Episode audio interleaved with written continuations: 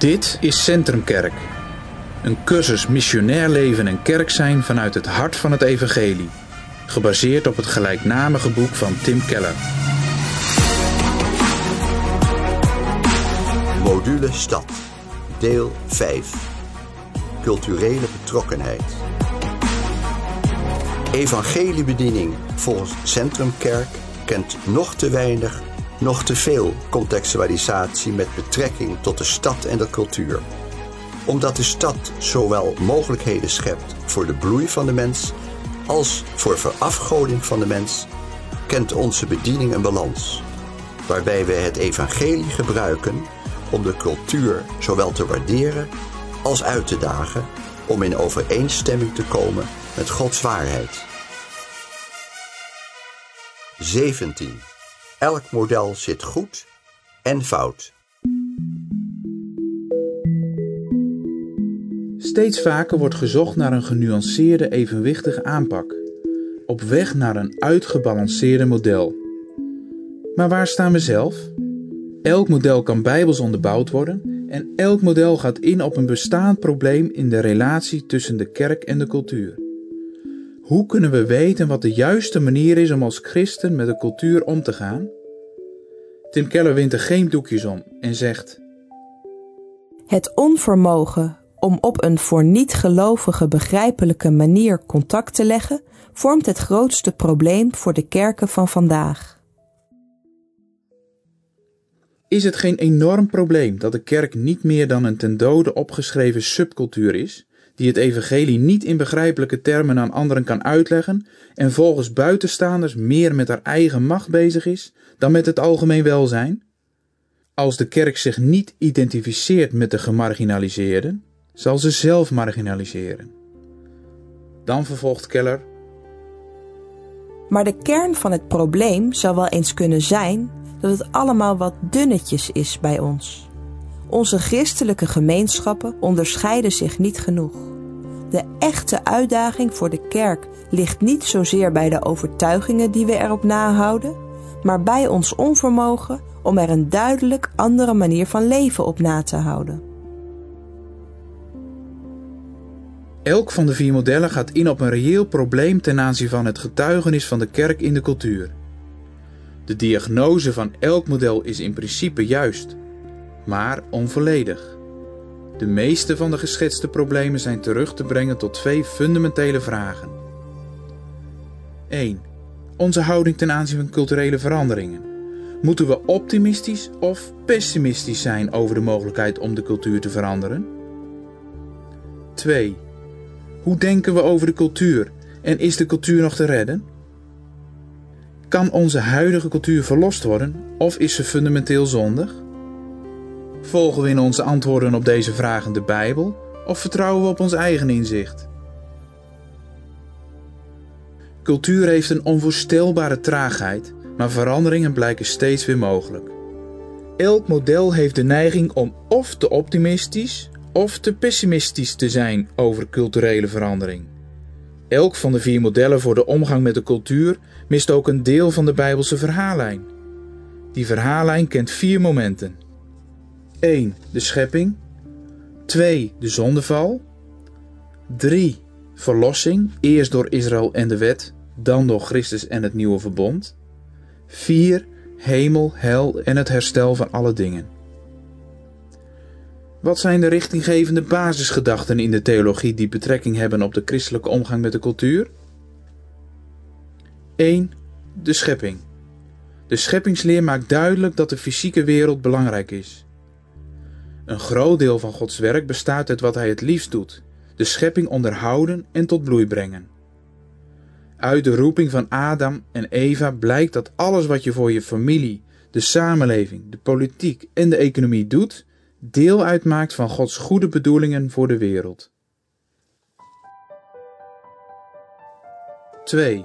Zondeval. De zonde beïnvloedt en besmet alles. Niet alleen het hart, maar de hele cultuur, elk aspect van het leven. In elke cultuur draait het om afgoden. Alles wat goed is in de wereld, alle wijsheid en elke deugd is een onverdiende gave van God. Algemene genade is geen bijzondere of reddende genade, maar een beperkende kracht waardoor mensen die Christus redding niet kennen, in staat zijn tot het goede.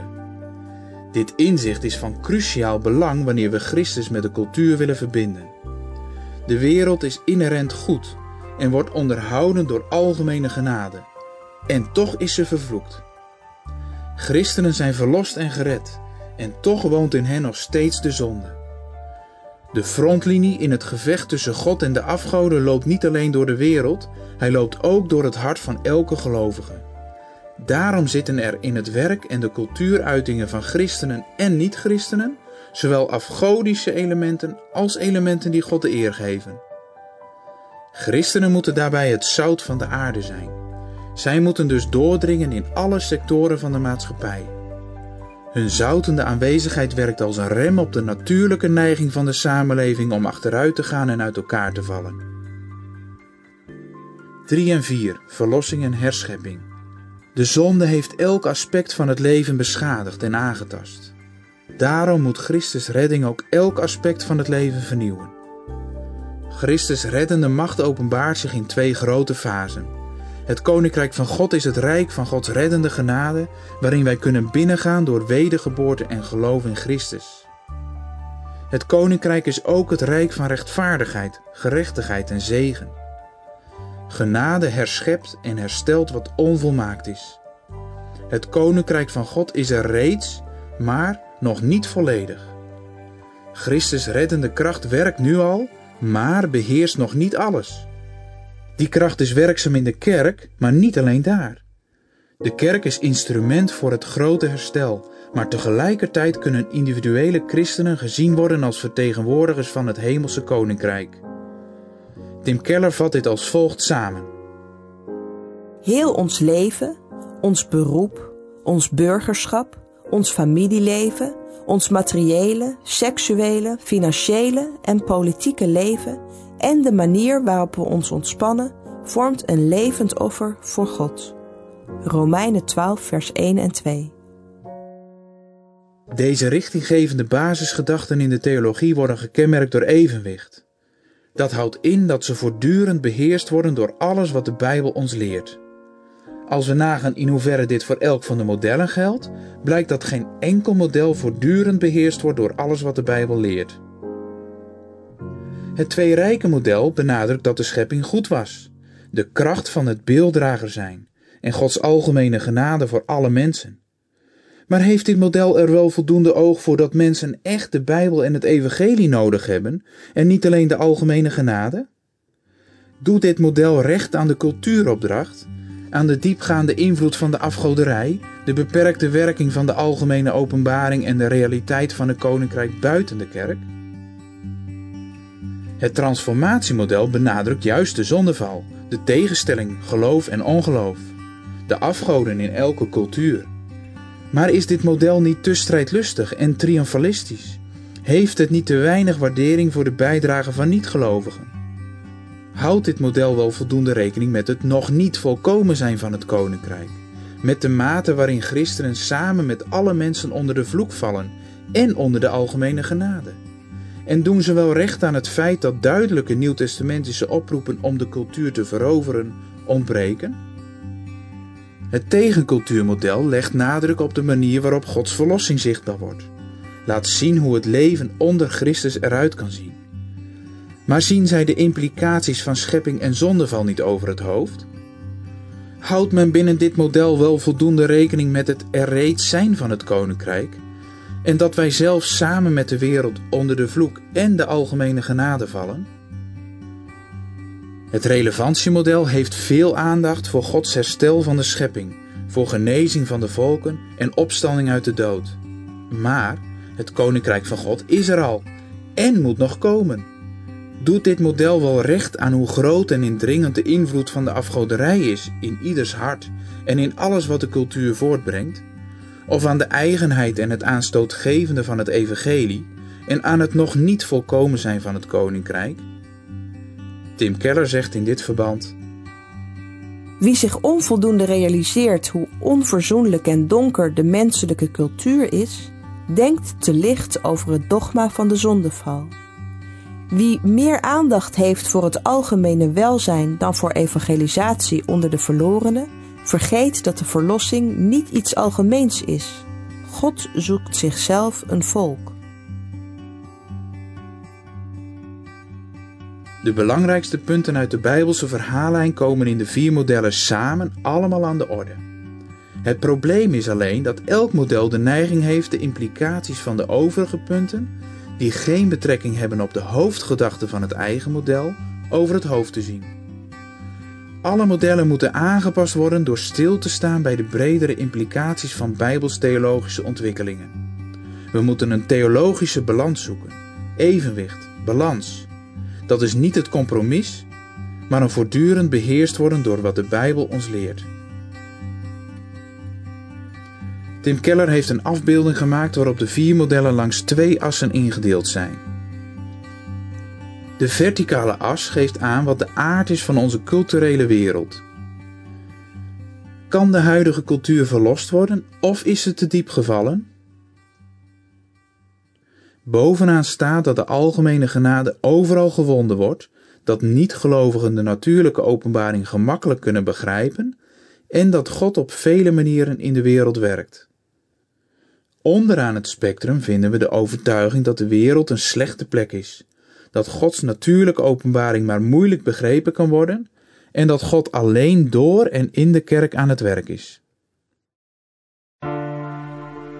De horizontale as geeft de opvattingen over culturele verandering weer. Moeten we optimistisch of pessimistisch zijn over cultuurverandering? Links vinden we het geloof dat we ons niet actief in moeten zetten om de cultuur te veranderen. Rechts staat dat we juist actief aan de cultuur moeten deelnemen. Daar heerst optimisme over het succes van onze pogingen om de cultuur te veranderen. Het transformatiemodel en het tegencultuurmodel vinden we onderaan terug, omdat ze beide weinig vertrouwen hebben in de algemene genade en overtuigd zijn van een radicale antithese tussen de wereld en de waarden van het koninkrijk van God. Als gevolg daarvan vinden ze een krachtig profetisch geluid tegen de afgoden in onze cultuur nodig. Het twee-rijken-model en het relevantiemodel staan bovenaan, omdat ze veel optimistischer zijn en omdat er gemeenschappelijke standpunten te vinden zijn met de niet-gelovigen in de cultuur. Het twee-rijken-model en het tegencultuurmodel staan links, omdat ze beide geloven dat grote christelijke inspanningen om deel te nemen aan de cultuur en die te transformeren tot syncretisme en compromissen zullen leiden. In beide modellen wordt de kerk opgeroepen gewoon kerk te zijn en cultuurverandering niet als doelstelling te zien.